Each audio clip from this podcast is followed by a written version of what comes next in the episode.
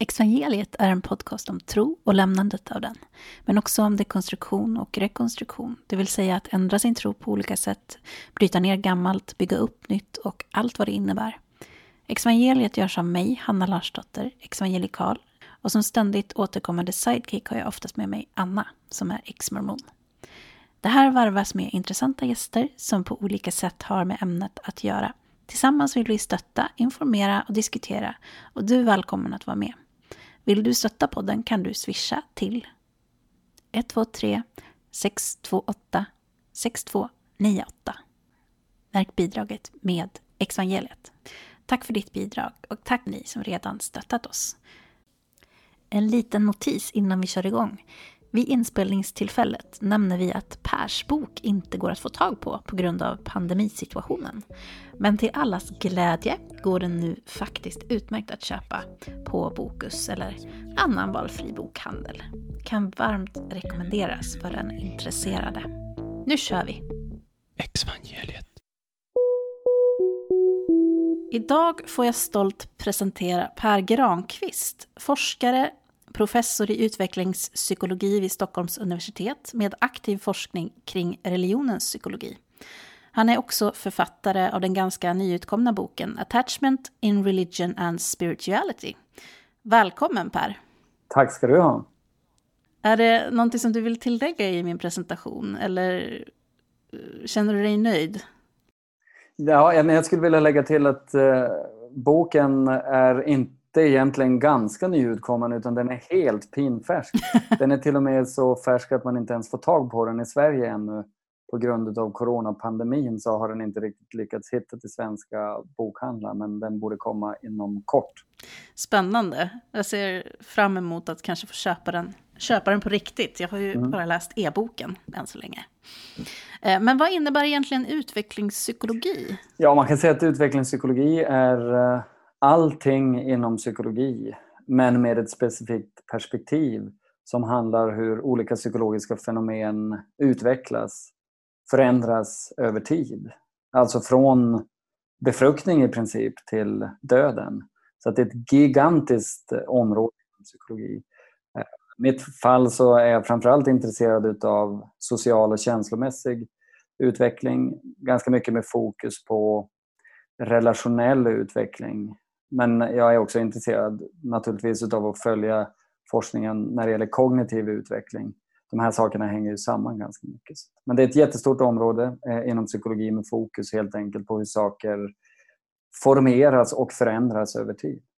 Men varför studerar du religion och spiritualitet? Alltså jag har förstått att det är en fråga som du brukar få ofta. Ja, precis. Det är nog den vanligaste frågan faktiskt som jag får kring min forskning. Ehm, ja, alltså jag tror... För mig var det intuitivt lätt att se att det fanns väldigt fascinerande frågeställningar inom området som ännu inte hade besvarats på ett så speciellt bra sätt. Så att jag kom underfund med det som, redan som student egentligen när jag läste på, på teologen i Uppsala och läste ganska mycket om psykoanalytiska teorier kring religion som jag tyckte var hemskt eh, intellektuellt spännande. Eh, men samtidigt teorier som var lite svåra att pröva med hjälp av bra vetenskapliga metoder egentligen. Och sen å andra sidan så läste jag eh, psykologi också och där presenterades ett helt annat typ av vetenskapligt ideal och det var ganska mycket fokus på till exempel anknytningsteori som jag sen bestämde mig för att gå vidare med. Och en helt annan typ av empirisk forskningstradition. Och jag tänkte att jag skulle vilja använda mig av den empiriska forskningstraditionen och de teorierna inom psykologi tillämpat på religion som studieobjekt, för det tyckte jag inte riktigt hade gjorts, och speciellt inte i en skandinavisk kontext tidigare.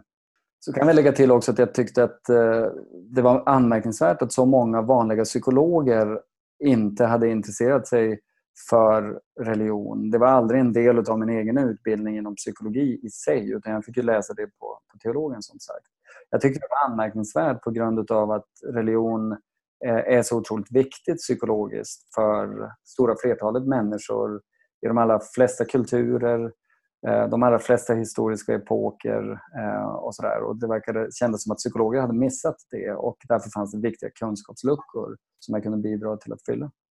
Ja, precis. Det här är ju något som, som vi som har lämnat en tro faktiskt ofta upptäcker. Att det är svårt att få, uh, få hjälp just kring de ämnena om man har lämnat en tro. Att få förståelse för det när man går i terapi. Mm. Uh, men varför tror, du att, varför tror du att religionspsykologi är ett ämne som inte riktigt har tagits på allvar inom, inom akademin och Ja, det finns många förklaringar egentligen till det. Jag ska inte dra så många, men jag kan väl nämna ett par stycken i alla fall som jag tror är väldigt viktiga. Ehm, eller tre kanske. Den första det är liksom att man kan säga att psykologer och ehm, religiösa professioner, präster, själavårdare, konkurrerar lite grann om man tänker på det marknadsmässigt. Det är liksom marknadsandelar kring människors lidande och lycka som man försöker förstå och uh, göra någonting åt då, så att säga, att mildra lidande och öka lycka. Både i religionens hägn och i den psykologiska vetenskapens hägn. Uh, och ehm, ja, man, när en konkurrenssituation infinner sig så då börjar man se till sin egen disciplin och vill utestänga den andra i ganska hög utsträckning. Så det tror jag är en viktig förklaring till det.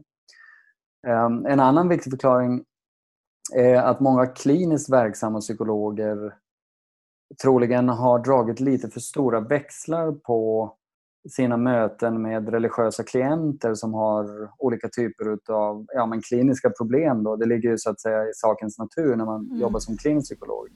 Så det kan handla om religionens lite mm. mörkare sidor. Eh, fundamentalism, rigida psykologiska försvar och så vidare. Eh, som eh, jag tror att många psykologer har generaliserat utifrån sina erfarenheter av att möta dessa klienter till religion som helhet och därför blivit ganska avvokt inställda till religion. För det mesta vet psykologer inte riktigt om det där. Det behöver inte vara artikulerat för dem men det verkar fungera som en slags eh, implicit fördom på, på området. Religion är ju verkligen ett multidimensionellt och komplext fenomen. Det finns både ljus och mörka sidor där. Men som kliniker är det lätt att man får se mer av de mörka sidorna. Mm. Um, ja, det är väl tror jag det är två av de viktiga förklaringarna. Och sen en, en, en tredje som jag tänkte att jag kanske också lite snabbt kan nämna är att väldigt många religionspsykologer har varit under de senaste decennierna på 1900-talet, säg, stora delar av 1900-talet, har själva varit ganska aktivt religiösa personer som liksom ibland har försökt legitimera sin tro med hjälp av psykologisk vetenskap och framhävt att det finns mogna sätt att vara religiös på. Och så, där. så att över tid så tror jag att många vanliga psykologer har börjat representera religionspsykologi som en slags apologetisk eh, disciplin om man säger så. Exvangeliet. Ett av målen med din bok, skriver du, är att citat “Open psychologists' eyes and ears to issues related to religion and spirituality and move those topics further into the psychological mainstream”. På vilket sätt tänker du att den här boken kan hjälpa till med det? Ja, nej, det var lite det jag sa inledningsvis. Att jag arbetar med en teori som står väldigt fast förankrad i mainstream psykologi Eh, och som också har fått den respektabiliteten inom psykologi på grund av att man har utvecklat mätmetoder och man kan bedriva forskning med relativt naturvetenskapliga metoder på det området. Så för att få psykologer att intressera sig för religion så måste man visa på något sätt då, att man kan forska på religion med hjälp av gängse teorier och metoder som har utvecklats inom psykologi. Om vi börjar med att reda ut lite begrepp här. Eh, för i din bok så skriver du om begrepp som religion och spiritualitet. Men hur definierar du de här begreppen? Alltså en av mina viktiga poänger när det gäller religion och spiritualitet är att jag försöker att inte definiera dem. Ehm, jag skriver ganska tydligt om det redan i förordet att det här är liksom inte naturliga kategorier som till exempel molekyl eller atom eller art eller någonting i stil med det. Så därför så kommer allt för fixerade, formaliserade definitioner att eh, inte riktigt fungera. Religion är väldigt påverkad av kultur till exempel. Men det är klart, man måste ändå ha någon slags idé om vad det är man fokuserar på och då kan man väl säga att kärnan i religion som jag intresserar mig för, eh, eftersom att jag är intresserad av kopplingen till anknytningsprocesser, det handlar om det här som egentligen är, eh, jag tror, väldigt mycket av en kärna i religion. Eh, ordet religion betyder på latin, eh, eller är på latin religare, som betyder att vara förbunden. Eh, och det handlar i grund och botten om att vara förbunden med Gud, naturligtvis. Eller gudomar, skulle det kunna vara. Å ena sidan, men också att vara förbunden med andra människor eh, i den religiösa församlingen till exempel.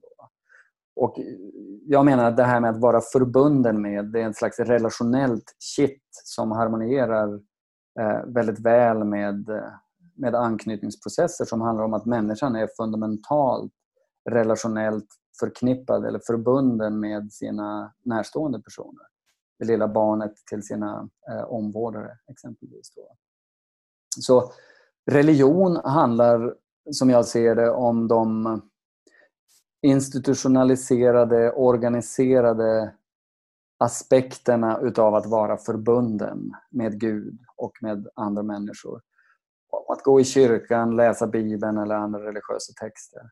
Ehm, medan spiritualitet då, eh, som jag använder och de flesta andra också, handlar mer om det privata, personliga, erfarenhetsmässiga delen utav att vara förbunden med, med Gud och med annat runt omkring sig också för den så Ungefär så skulle jag säga och sen skulle jag inte vilja säga så mycket mer. Det är lite vaga definitioner men det är avsiktligt. Mm. Ja, för anknytningsteorin använder du det av. Och hur för, du använder, använder ju den då i förhållande till religion och spiritualitet i din forskning. Men det kanske är vissa som lyssnar på det här som inte vet vad anknytningsteorin är för någonting. Skulle du vilja kort sammanfatta det? Ja, men absolut. Det ska jag göra.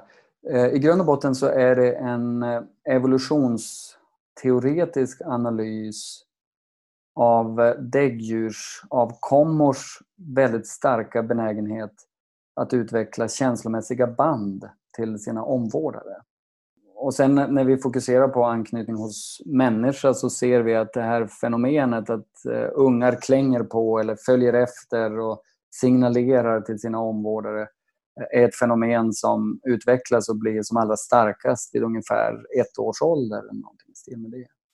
Och sen finns det pålagringar på den här grund evolutionära analysen som liksom handlar om att um, det är ett sätt som barnet kommer att organisera sin anknytning på det är beroende av hur omvårdaren har svarat på barnets anknytningsbeteende under de första levnadsåren.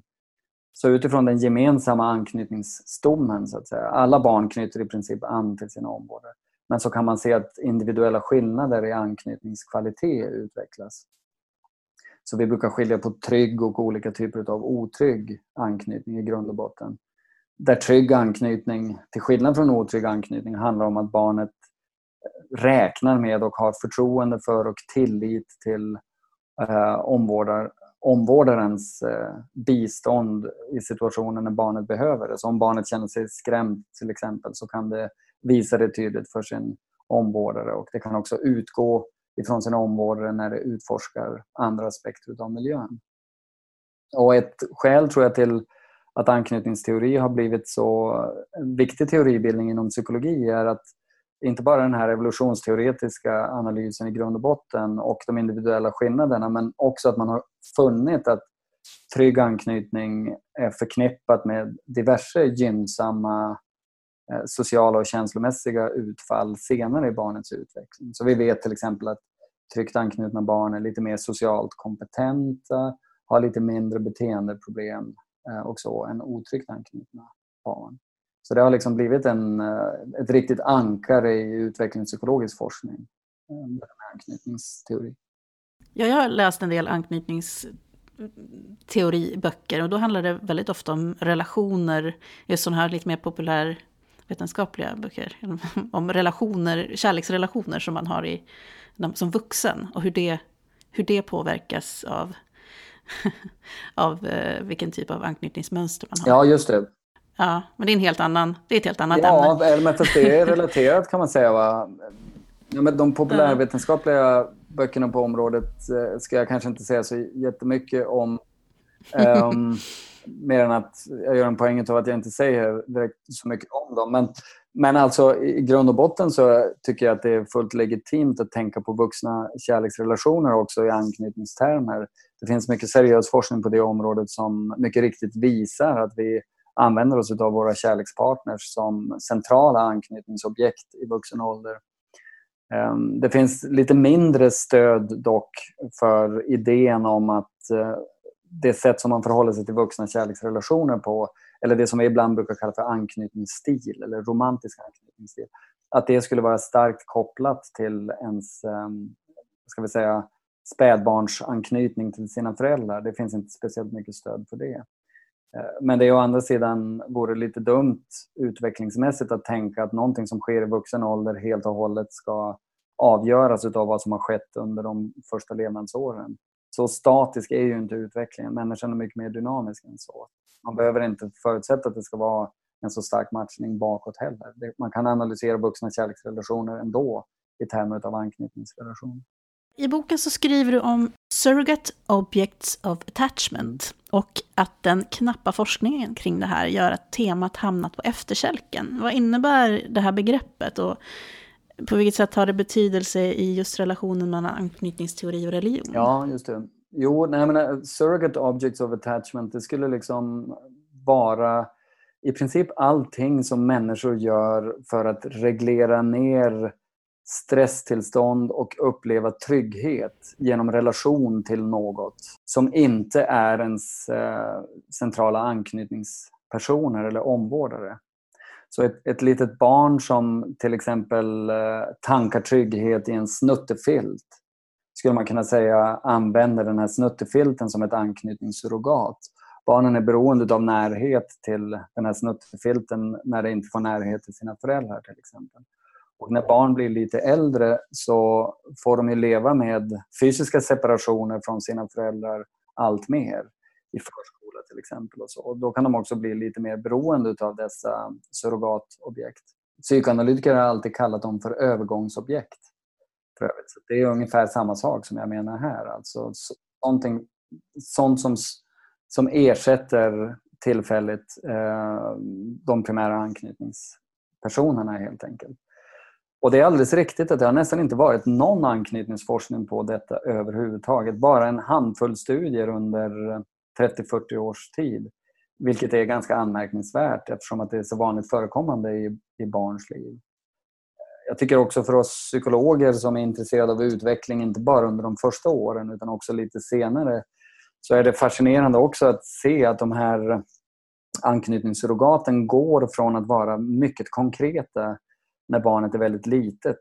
Så ett barn som är 1 till 2 år kan använda snuttefilt eller nallebjörn eller så. Men när barnet blir lite äldre så börjar de här konkreta objekten att ersättas med um, låtsaskompisar exempelvis och sådant som egentligen inte kan observeras.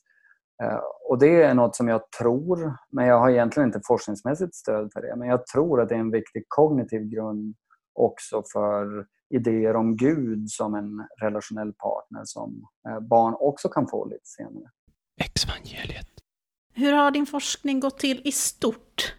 Just när det kommer till resultaten som du presenterar. En stor fråga, ja, men, men du kan dra det, det snabbt. Jag, jag drar det snabbt och enkelt.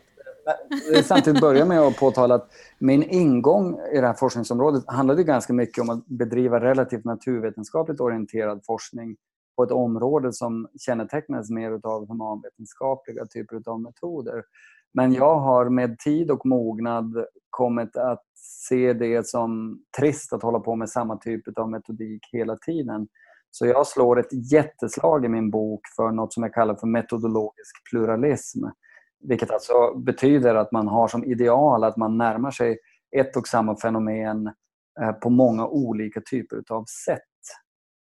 Eh, och det har jag alltmer gjort i min forskning på det här området också. Så om jag ska exemplifiera så kan jag säga att jag har gjort enkla enkätstudier där jag har korrelerat anknytning och religiositetsvariabler vid ett och samma tillfälle. Jag har gjort lite mer avancerade studier som är longitudinella, det vill säga man följer deltagare över tid men i grund och botten använder sig av samma typ av enkla enkätmetoder. Eh, jag har gjort en del experimentella studier där vi på experimentell väg tänker oss att vi kan aktivera deltagarnas anknytningssystem som är det som ligger till grund för anknytningsbeteenden. Och därmed se ifall troende personer blir mer benägna att till exempel vilja uppleva närhet till Gud, vilket de blir. Um, och sen så har jag gjort intervjustudier med hjälp av semistrukturerade, halvt strukturerade eh, anknytningsintervjuer som är väldigt resurskrävande. Men det har jag gjort bara för att kolla om resultaten från sådana här enkla enkätstudier står sig och håller även när man mäter anknytning på ett mer rigoröst sätt. Och det har de gjort förut också. Avslutningsvis kan jag nämna att jag också har gjort en del eh, mer kvalitativa analyser eh, med fallstudier egentligen, alltså utav enskilda personers representationer utav Gud i förhållande till dem själva i ljuset utav anknytningsintervjuer som då också finns för samma personer. Så ganska många olika typer utav eh, analyser. Sen är jag en person som är intresserad av teori och annan litteratur också. Så jag skulle säga att en av mina viktiga metoder handlar också om att försöka förstå fenomen i ljuset av annan litteratur på området. Och Det är också en slags typ av metodik som är väldigt vanlig i humanvetenskapliga sammanhang. En liten kuriosa här är ju att du inkluderat en playlist i din bok också. Ja. Du, berätta mer om det. Varför? Och hur tänkte du när du satte ihop den? Ja, jag älskar den frågan. Tack. Det som jag är allra mest nöjd med i denna bok är faktiskt uh, The Playlist. Jag slutar aldrig snacka om det. Folk uh, tror jag, i min omgivning börjar bli lite trötta på det. Men det var så här alltså att jag fick ett um, en sabbatstermin på mig att skriva boken. Eh, du vet en hel bok på 6 till 7 månader. Eh, och jag åkte tillsammans med min familj till Kalifornien där jag älskar att vara och brukar bli kreativ av att vara. Jag tänkte att man skulle optimera förutsättningarna för att lyckas med detta projekt samtidigt som barnen fick gå i amerikansk skola och sådär. Men jag hade liksom skalat bort alla andra akademiska förpliktelser i princip, förutom doktorandhandledning, under den här ganska kort och intensiva perioden. Jag satt eh, och skrev dagarna i ända i princip.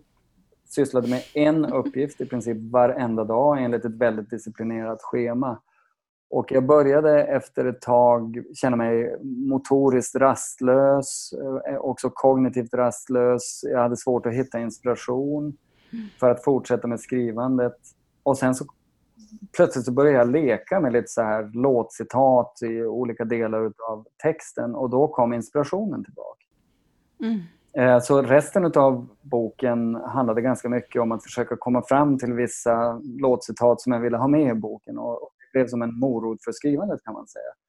Och när jag då hade kommit tre fjärdedelar genom boken eller något sånt där, så slog det mig att det vore coolt med en playlist helt enkelt för att eh, lyfta upp eh, eller göra artisterna rättvisa som sjunger så otroligt mycket bättre eh, och med mycket mer emotioner involverade kring den tematik som boken egentligen handlar om.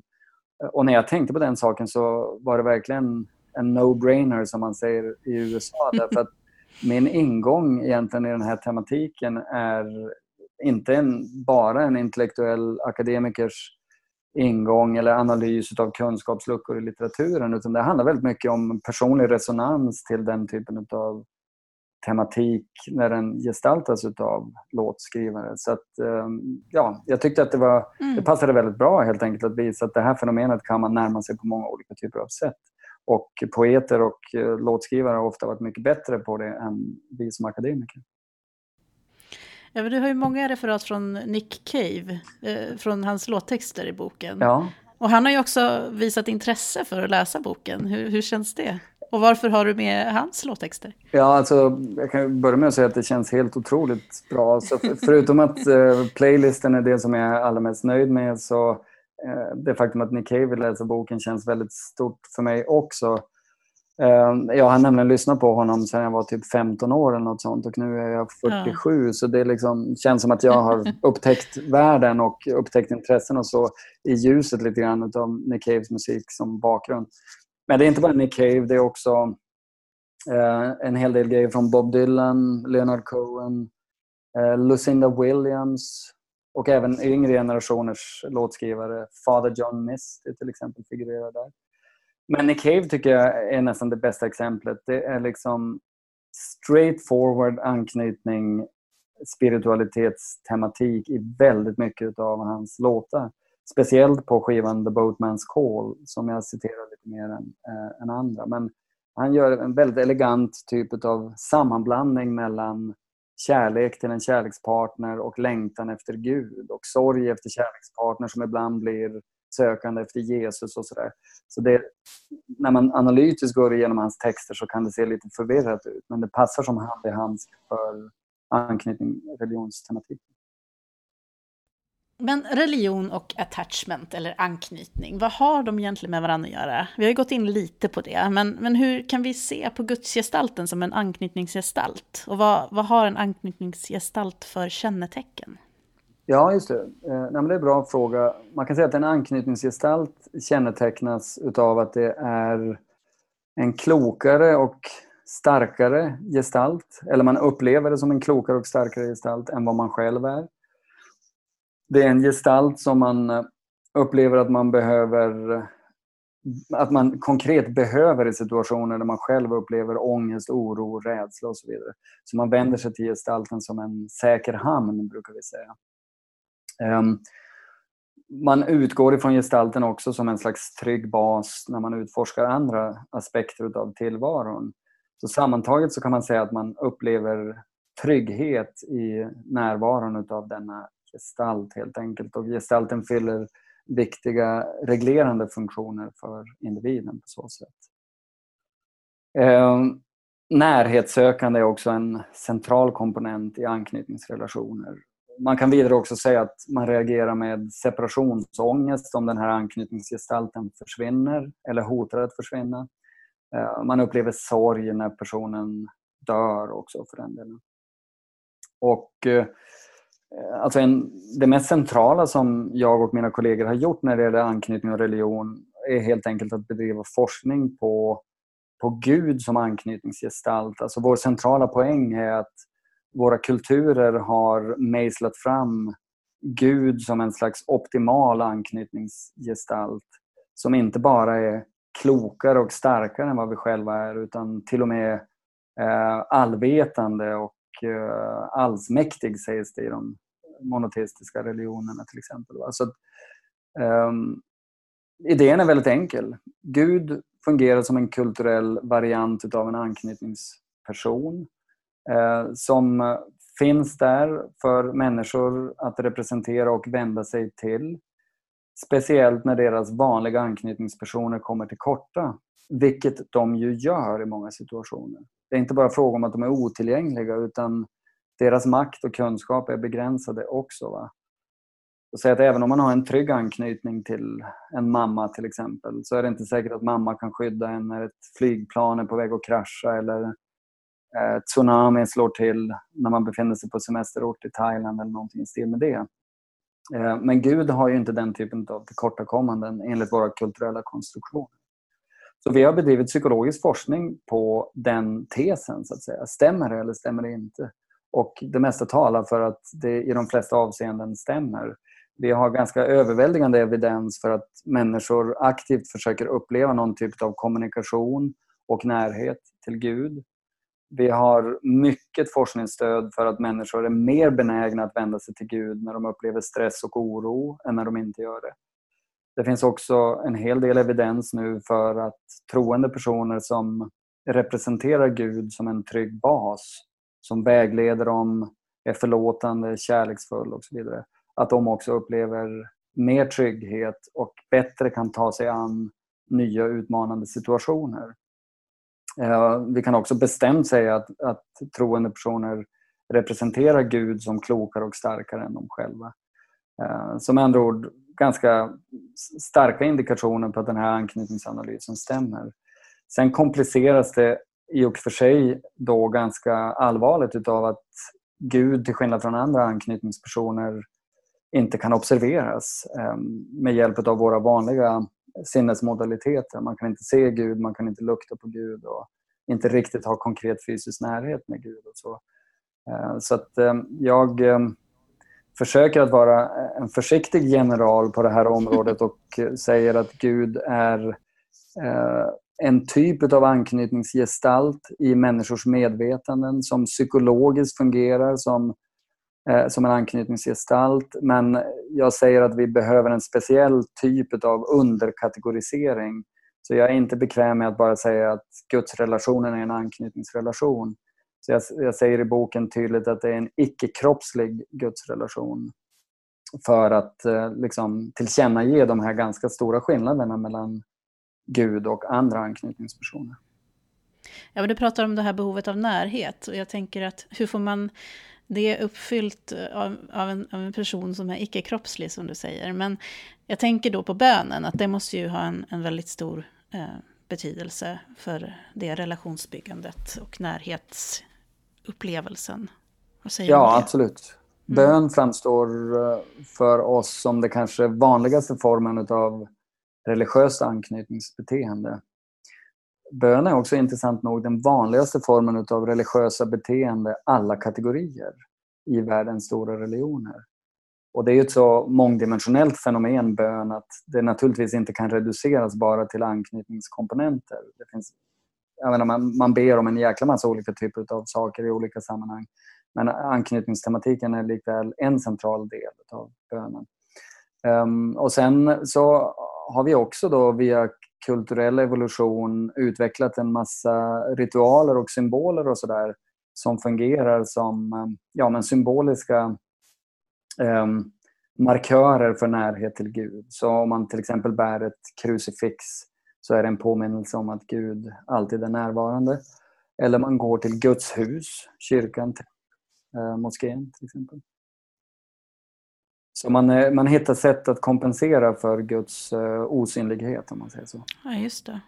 Det är intressant det där med bön. Jag bad ju länge även efter att jag slutade tro. Så fortsatte jag be. Men det ändrades eh, liksom. Men det, men det var verkligen en sån en sak som också upplevde jag eh, var en slags ångestlindring för mig. Så att när jag sen kände att nej men nu vill jag inte be längre så fick jag liksom hitta en annan typ av sätt att hantera det här sökandet efter trygghet och liksom, eh, ja, få prata med den här guden som jag liksom hade. Så att det, ja. jag tror att det är en jätteviktig del i, i relationsbyggandet med, Ja, jag, jag, tror verkligen det också. Och uh, ofta när man pratar med personer som är icke-troende så säger de ju ändå att de ber. Eller de kanske inte ber till Gud, men de ber till någonting. Eller de kanske inte ber, men de skickar i vart fall ut önskningar till universum. Mm. Ehm, och, så där. och Det verkar vara någon ganska så här fundamental mänsklig sak som också har varit en viktig utgångspunkt för den forskning som jag har bedrivit. Och delvis introspektivt lagt märke till hos mig själv att jag har någon slags um, upplevelse av att eh, det finns ett intresse för hur jag mår och mina behov som ligger utanför mig själv och inte bara finns hos konkreta andra personer. Och det tror jag är en sån här, i grund och botten en slags psykologisk bias som har att göra med att det har funnits personer i princip alla människors uppväxt som till och från har brytt sig om dem och svarat på deras signaler när de har varit ledsna och oroliga och så. Och det, det är liksom väldigt kraftfulla erfarenheter som vi bär med oss och på något sätt generaliserar eh, till opersonliga krafter också eh, som en funktion av mognad. Men kan man se vad personer eh, som fortfarande eh, antar sina föräldrars tro i vuxen ålder, kan man se vad de har haft för typ av anknytningsmönster bakom sig? Ja, ja och nej. Jag, jag skulle mm. vända på frågan och säga kan vi utifrån folks anknytningsmönster förutsäga om de kommer att vara skapligt överens med sina föräldrar eller inte? Snarare än gå bakvägen. Jag ska förklara varför jag tycker det är en viktig distinktion. Och då, då skulle svaret vara ja, det kan man göra. På gruppnivå så kan man se att människor som eh, upplever att de har haft relativt trygga relationer med föräldrar som har svarat ganska bra på deras anknytningsbehov. De tenderar i högre utsträckning att i sina egna trosuppfattningar landa ganska nära sina föräldrar. Så om föräldrarna har varit religiöst aktiva så tenderar de själva att bli det också i Mm. högre utsträckning. Mm. Ehm, men jag tror inte man kan gå bakvägen riktigt. Därför att det finns så otroligt många faktorer som ligger till grund för en människas vuxna religiositet. Föräldrars religiositet och trygghet i anknytning är två naturligtvis. Men sen så handlar det ju också väldigt mycket om historiska processer som ligger utanför familjen. Så att säga. Mm.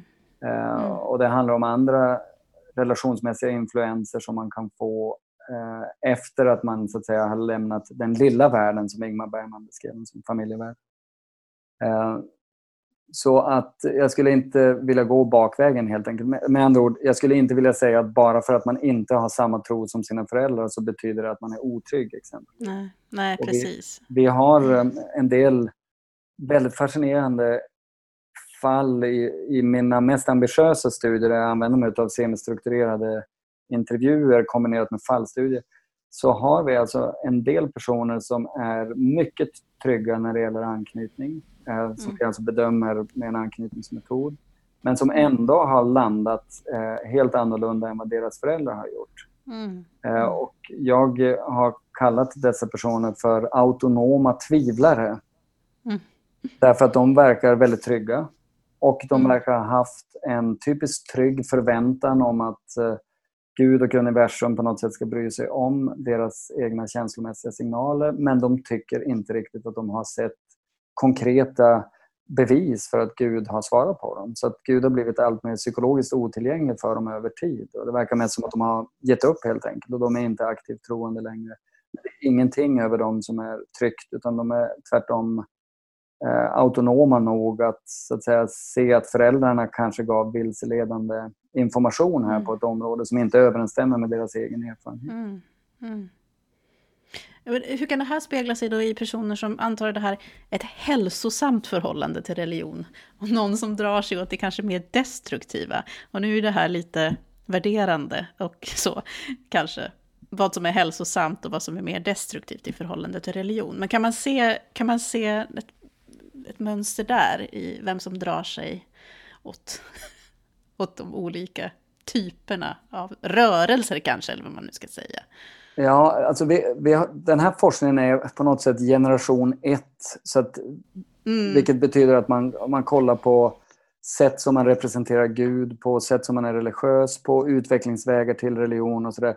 Men vi har inte riktigt eh, gått till generation två eller generation tre som kanske skulle vara att titta på människor från en specifik religiös grupp jämfört med människor från en annan och så. Och det är ju mer sociologiska typer av frågeställningar det också än psykologiska egentligen. Ehm, så att jag, kan inte, jag kan inte säga något bestämt om olika typer av rörelser annat än att det finns individuella skillnader inom alla rörelser. Så jag har exempelvis genomfört eh, intervjuer med människor som kommer ifrån fundamentalistiska religiösa miljöer. Och det är väldigt frestande för oss som är psykologer att tänka att det bör vara otrygga personer eftersom att de är svartvita i sin tro, tron är rigid och verkar syfta till att, så att säga, hålla ångest i schack och annat. Och visst finns det sådana, men jag har också träffat en del fundamentalistiska personer som är trygga, utan tvekan. Det intressanta är att de brukar ofta kvalificera sin fundamentalism på olika sätt. Så de kan säga att till exempel, ja, jag tror nog på helvetet. Det har jag fått lära mig i min familj och kyrka. Så det är svårt för mig att skaka av mig den tron. Men jag hoppas att helvetet är tomt Eh, en tom plats. Eller jag hoppas att när allt kommer omkring så kommer Gud förlåta människor ändå. Så, så trots att de så att säga tillhör en fundamentalistisk rörelse och i grund och botten har fundamentalistiska trosuppfattningar så när de verkligen, när det kommer till kritan så ger de uttryck för medlidande, förståelse för andra människor och sånt där som andas trygghet. Helt enkelt. Mm. Ja, det, det låter väldigt bekant det där. Jag kan känna igen mycket i mina egna uppför, upplevelser av att, Ja. att träffa personer med de uh, inställningarna. Men, men, men annars så skulle jag ju generellt sett säga om jag, om jag Mm. prata om hur- hur man är hälsosamt religiös så, så handlar det om att man kan, man kan uppleva närhet till något som man tror är Gud. Um, och Eh, man får näring och trygghet utav denna relation så att man växer utav den och blir i någon mening ännu tryggare. Och att vara otrygg, om man ska säga något eh, generellt om det, så handlar det ganska mycket om att religionen är defensiv för en. Man använder det som en slags krycka för att inte må dåligt i första hand. Och som gör egentligen att man säger nej till väldigt mycket mänsklig potential som finns utanför den här lite rigida relationen till ritualer och Gud som individen har. Så nästan motverkar psykologisk utveckling. Men om man nu är en person som bryter med den här religiösa liksom, anknytningsgestalten då som ens föräldrar hade, om, en föräldrar, om ens föräldrar hade en gudstro till exempel, och så bryter man med den figuren själv. Är det vanligt liksom att även relationen med föräldrarna som anknytningsperson blir skadad? Förstod du min fråga där? Jag förstod din fråga och jag måste börja med att säga att jag, vi har inte bedrivit någon forskning på det området och jag har inte koll på någon annan forskning heller så att jag bestämt kan ge ett svar på det. Men jag tror återigen att det beror väldigt mycket på hur föräldrarna, hur relationen till föräldrarna är helt enkelt. Så säg exempelvis att föräldrarna tillhör en fundamentalistisk rörelse där alla som lämnar rörelsen betraktas som um, affekterade utav djävulen och man måste bryta familjebanden till den personen så är det ju självklart att man kommer att få problem också i relationen till, till föräldrar. Men föräldrar med en, um, vad ska vi säga, mer villkorslös hållande attityd gentemot sin vuxna avkomma, om jag får uttrycka mig så. De kommer kanske att, beklaga det och uttrycka oro för det men ändå kunna besinna sina affekter och fortsätta att relatera och ha en bra relation till personen. Så jag tror det varierar nog väldigt mycket. Ja, för den här podcasten riktar sig ju till människor som antingen dekonstruerar sin tro eller har lämnat den helt. Och I båda de fallen så tänker jag att det finns eh, element av förlust. Ja. Och då då menar jag just förlust av de bilder och föreställningar som man personligen har haft kring Gud, eller kanske både Gud och Jesus då i mitt fall. Och om vi ser på Gud och kanske då Jesus också, eh, som ett, liksom, anknytningsgestalter, hur kan lämnandet eller hotet om lämnande av den här gestalten upplevas hos personen som lämnar eller har lämnat? Ja, alltså vi vet för lite om det. Det är en av de här viktiga frågeställningarna som vi inte har bedrivit aktiv forskning på, vilket jag också beskriver i boken. Men om man skulle extrapolera från andra anknytningsrelationer så, så, så skulle man troligen uppleva en period av kognitiv och känslomässig förvirring helt enkelt. Du beskrev själv i ditt eget fall hur du fortsatte att be samtidigt som du ju egentligen inte riktigt trodde att det fanns någon on the other end så att säga som svarade på det. Så då behövde du ersätta det. Och om du tänker på bönen som ett anknytningsbeteende så är det alltså så att anknytningsbeteendet fortsätter att riktas mot anknytningsobjektet som, läng- som inte längre representeras som att det finns där. Och det kan man se barn som förlorar sina omvårdare eller för den delen i vuxna kärleksrelationer om make eller maka dör att vi hamnar i ett tillstånd av desorganisation, brukar vi faktiskt kalla det för, där vi är fundamentalt kognitivt förvirrade, fortsätter att söka efter den förlorade personen till exempel. Alltså protest, i någon mening protest mot att bandet nu eh, inte finns längre. Va? Så vi bär med oss bandet vidare rent mentalt men den andra personen är borta. Och det kan också efterföljas av depression och förtvivlan under en period efteråt. Eh, men över tid så brukar de här protesten och förtvivlan brukar klinga av och man brukar kunna börja bygga upp andra relationer till andra anknytningspersoner. Men det kan man inte riktigt göra under den här initiala perioden. Så jag skulle gissa, eller en intressant hypotes är att liknande typer av reaktioner kan ske när man tappar sin, sin gud, så att säga. Men vi vet mm. inte, eh, vill jag tro. Mm. Ja, men vad skulle behövas för att undersöka det här vidare? Hur ser forskningen liksom ut på det här området?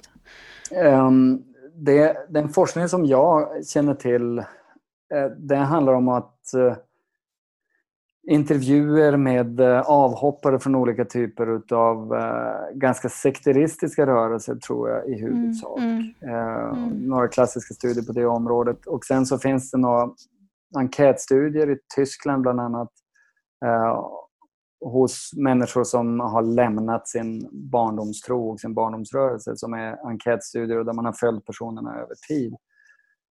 Och det ligger väl deras resultat ligger lite grann i linje med det som jag säger här nu men de har inte haft mikroskopisk upplösning på människans beteende, representationer av Gud och så som man skulle behöva ha för att pröva den typ av frågeställning som, eller den typ av hypotes som jag lanserade här.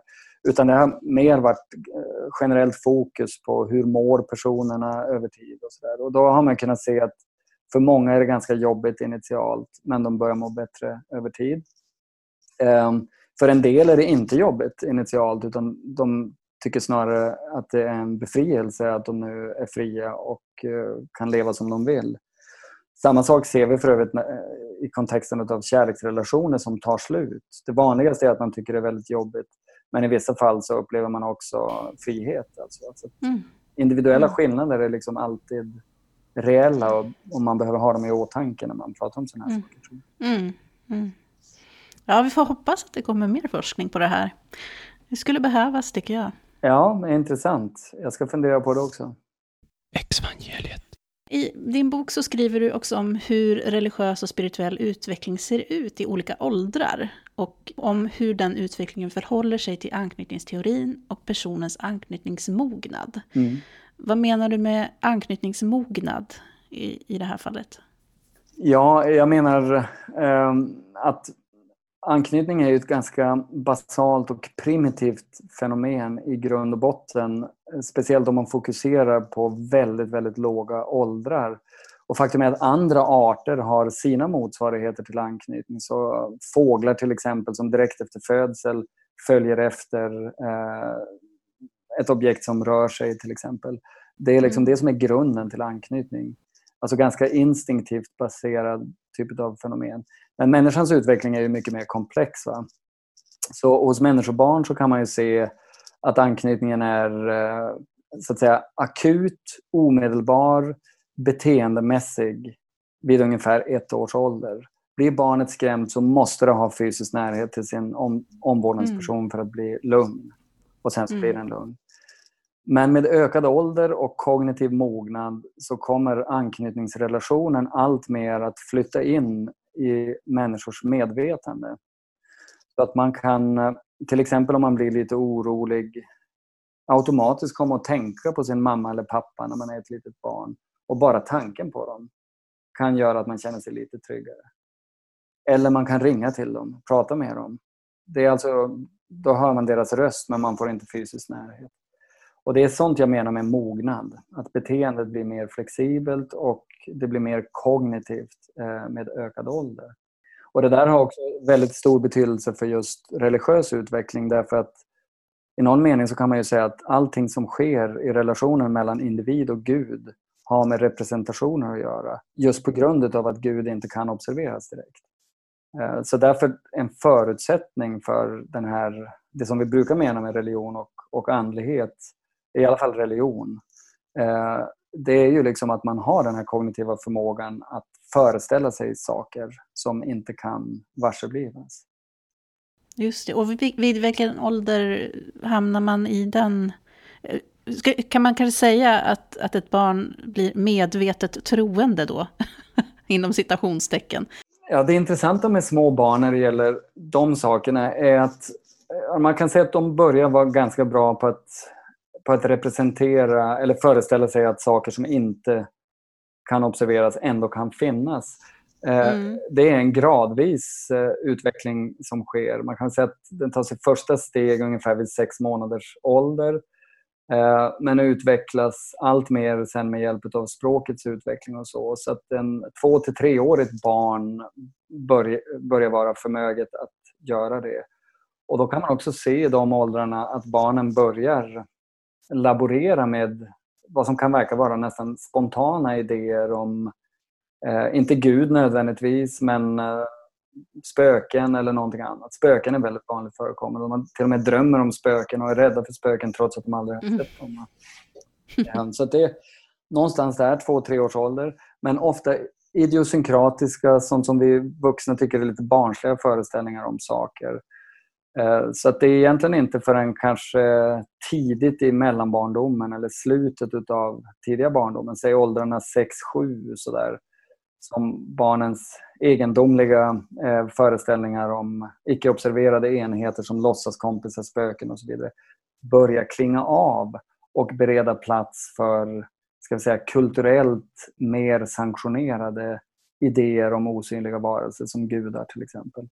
Så att det här skiftet från förskoleålder till skolålder är ett viktigt skifte för att gå ifrån den vilda eh, barnets eh, föreställningar till det mer ska vi säga, kulturellt impregnerade barnets religiösa föreställningar. Vad är den största skillnaden mellan ett barns syn på Gud och en vuxens syn på Gud? Ja, barn tenderar att representera Gud betydligt mer antropomorfiskt. Det vill säga de tillskriver Gud eh, i huvudsak mycket konkreta mänskliga egenskaper. Eh, typexemplet skulle vara Gud som sitter som en skäggig herre på molnen till exempel.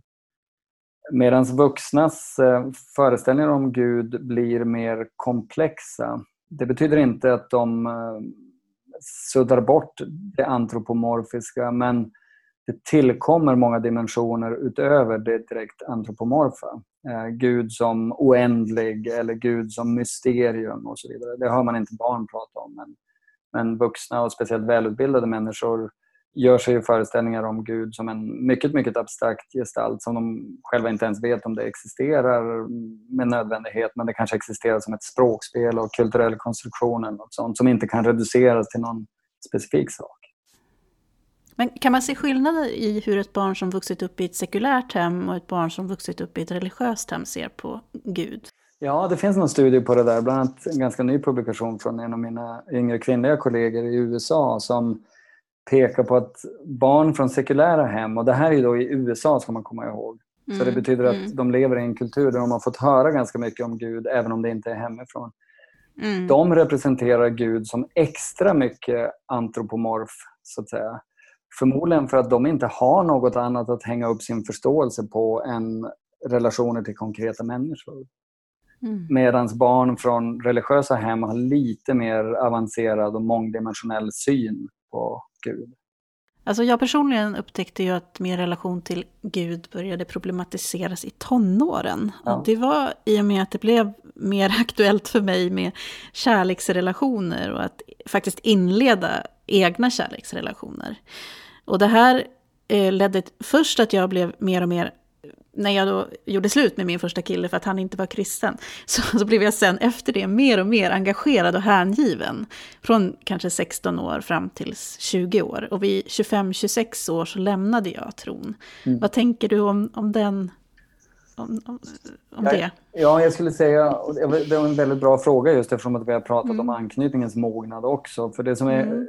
karaktäristiskt för tonåren är ju att man då ofta utvecklar en, en högre autonomi i förhållande till sina föräldrar. Man vill vara med med kompisar, man utvecklar kärleksrelationer och så vidare. Så att eh, det är en period, un, ungdomsåren, tidiga vuxenåren, som är förknippade med antingen att man minskar sin religiositet eller för andra personer att man ökar den. Och eh, om man till exempel har problematiska relationer till sina föräldrar så kan man säga på gruppnivå att sannolikheten ökar för att man ska eh, under tonåren och tidiga vuxenlivet att man, att man ska avfjärma sig från deras eh, religiösa föreställningar. Ehm, men om man kommer ifrån om man säger att man kommer ifrån en miljö där man inte utvecklar, man inte har en trygg anknytning till sina föräldrar och man har svårigheter att utveckla nya anknytningsrelationer som är trygga och tillfredsställande för personen så kan Gud då eh, bli en anknytningsgestalt för personen i tonåren. Så vi vet, det är både apostasy på engelska, alltså lämnandet mm. av religiös tillhörighet och mm. religiösa omvändelser. Båda sakerna är oproportionerligt vanligt förekommande i tonår, tidiga vuxenlivet. Och jag tror att det hänger samman med hur anknytningen utvecklas hos individen. Mm.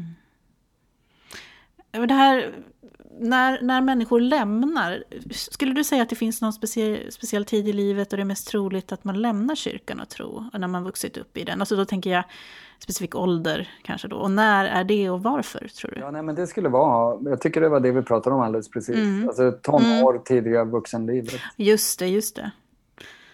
Och ibland så kan det där vara en temporär process också naturligtvis. Så att när man blir lite mm. äldre så faller man tillbaka i samma typer av vanor som ens föräldrar hade när man växte upp. Alltså, William James pratar ganska mycket om religion as habit. Och jag tror det fenomenet det blir speciellt observerbart när man är typ i min ålder, alltså sådär 40-50, man har sina egna barn, man är ganska upptagen med, med sitt liv i övrigt så att eh, vanan blir väldigt stor där och när man själv blir förälder så tenderar man kanske då att ta över ens egen förälders sätt att agera gentemot en själv. Mm. Så det behöver inte vara ett permanent uppbrott från religionen som man gör heller, bara för att man gör Nej. den så att säga, i tonår tidigare vuxenliv. Mm. Man kan komma tillbaka till den senare också.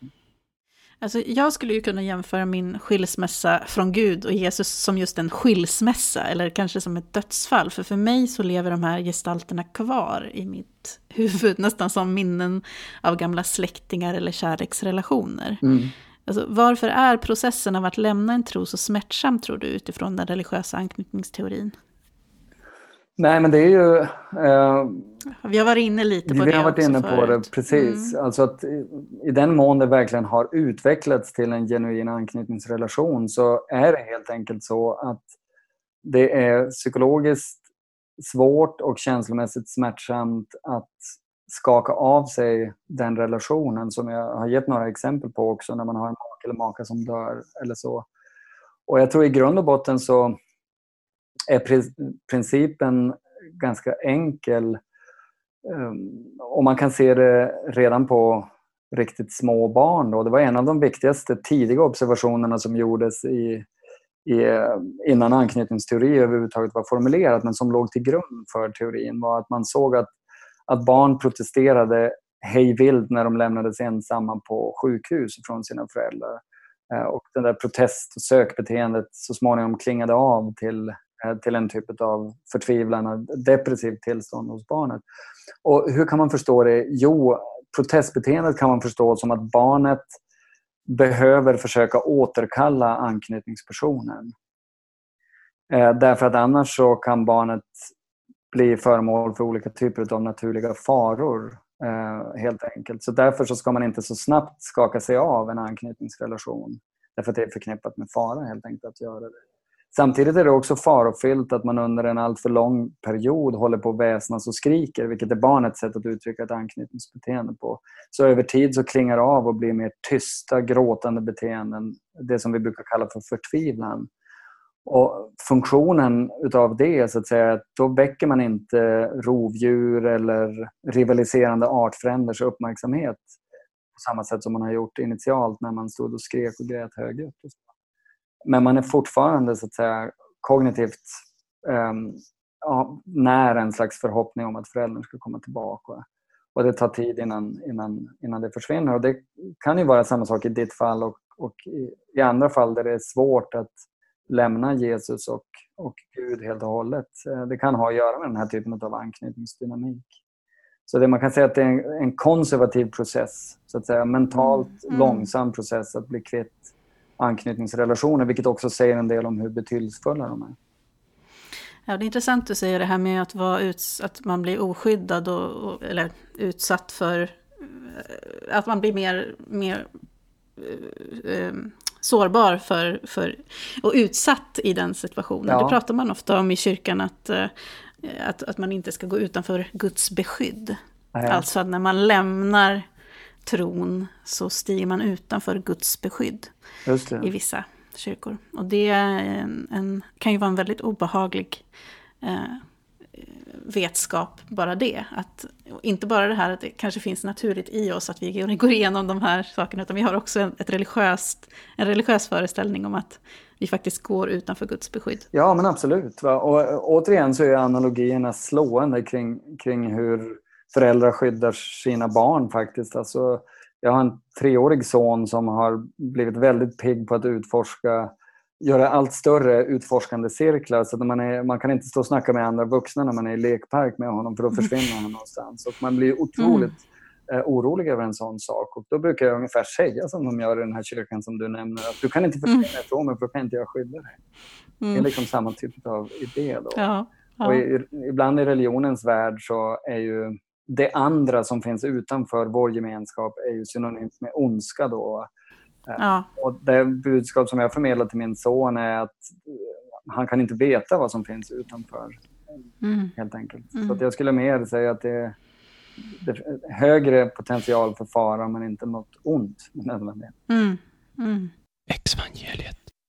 För att avsluta lite här nu så tänkte jag, eh, eh, kan man se eh, Eh, hur, hur en person som ställs inför döden, eh, finns det Finns det något religiöst anknytningsmönster där? Alltså, eh, finns det en tendens att folk blir mer religiösa, till exempel, eh, när de eh, ligger inför döden? Ja, det borde jag veta. Jag kan inte erinra mig direkt nu någon studie som jag har läst om när det gäller det skedet precis in, in, inför döden. Men, men det finns ju studier som pekar på att när man blir äldre så kan det kan vara en så att säga, ytterligare en religiös vitalitetsperiod där religiösa föreställningar ökar för en. Och jag skulle gissa att det, det, jag tycker inte ens det känns som en speciellt vild gissning utan min prediktion skulle vara att, att det ökar ytterligare inför dödsögonblicket skulle jag tro.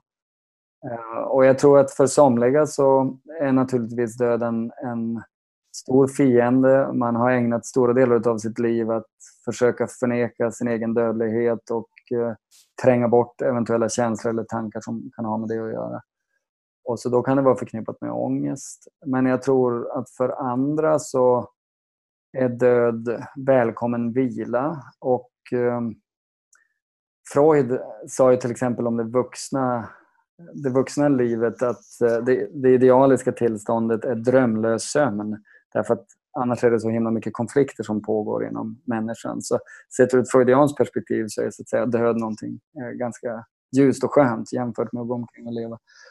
Eh, men jag skulle säga att, alltså, att om man i grund och botten har en aktiv relation med Gud, upplever man, och en representation av, av Gud som kärleksfull och så, så kan ju döden också innebära att äntligen så får jag återförenas fysiskt med den här gestalten som jag har haft den här mentala dialogen med. Det ser nog också väldigt olika mm. ut. Och det, vi vet det inom utvecklingspsykologi för övrigt att ju längre upp i åldrarna man kommer desto mer ökar heterogeniteten. Det vill säga människor blir mer och mer olika varandra ju äldre de blir. Mm. Så därför är det extremt svårt att generalisera kring åldring här.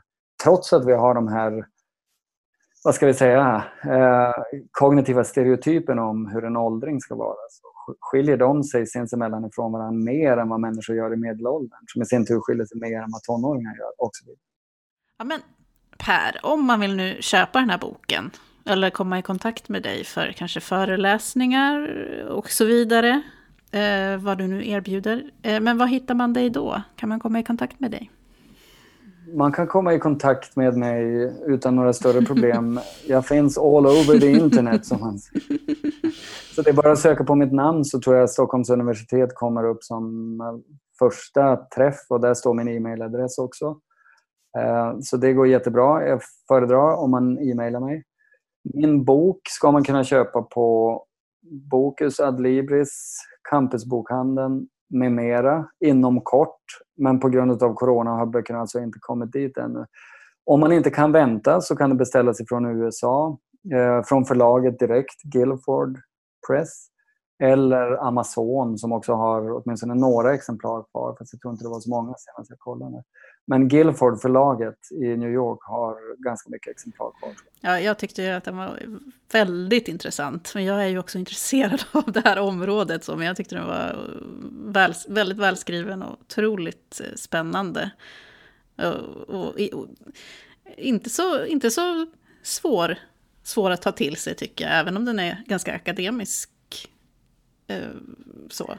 skriven? Nej, vad bra, vad roligt. Det jag aktivt eftersträvade, det skulle vara ett eh, levande språk som ligger ganska nära det talade språket. Jag tycker själv mer om att läsa på det sättet. Och det var ett skäl till att det var bra att åka till USA, därför att där är liksom det akademiska språket, min erfarenhet, speciellt i Kalifornien, är ganska snarlikt eh, hur folk snackar på gatan. Och jag ville få lite grann av den där viben helt mm. enkelt när jag skrev boken också. Mm. Så det tillsammans med playlisten gör ju att det är lika mycket en populärkulturell bok som en, eh, som en vetenskaplig bok. Ja, kul. Är det någonting du vill tillägga som du känner att vi inte har fått in här? I alla mina frågor. alla mina tusen frågor. Ja, men en, en sak, men vi kanske kan prata om det vid något annat tillfälle. Ja. Mm. Som du inte har berört, handlar ju liksom om sekularitetens psykologi som hela sista delen av min bok egentligen berör. Eh, men det kanske inte är fokus riktigt för din podd heller. Men det där tycker jag är en väldigt spännande sak, både på individuell men kanske framförallt på kulturell nivå. Mm. Att religion inte längre är kulturellt normativt hos mm. oss eh, i Sverige av olika skäl. Och det psykologiskt allra mest intressanta det är vad sätter vi in i religionens ställe mm. för att fylla de här psykologiska funktionerna som religion trots allt har fyllt för väldigt många människor under ganska lång tid. Till exempel kring trygghet ja. och etiska idéer. Ja, det är ju oerhört intressant. Och jag har ju, ska ja. vi säga till lyssnarna nu, att jag har ju behövt begränsa mig enormt mycket till, till kanske det här eh, specifikt eh, området som handlar om, om eh, som rör den här podden. Då. Men det där är ju också superintressant, så du får ju hemskt gärna komma tillbaka och, och berätta mer om det. ja, men då kanske vi kan sikta på det så får det bli en del två så småningom. Och då kommer jag prata ganska mycket om välfärdssystemets betydelse för sekularitet. Tänker jag. För att man ser nämligen väldigt tydligt att ju mer utbyggda välfärd länder har, desto desto mer klingar religionen av populationen över tid. Också med Sverige som ett ganska extremt internationellt exempel. Ja, det här får bli en cliffhanger. Jag, cliffhanger? Jag... yes. Det är bra. Ja, tack så jättemycket Per Granqvist för att du ville vara med i Exvangeliet. Tack ska du ha, Anna. Vi hörs. Det gör vi. Hej. Hej då.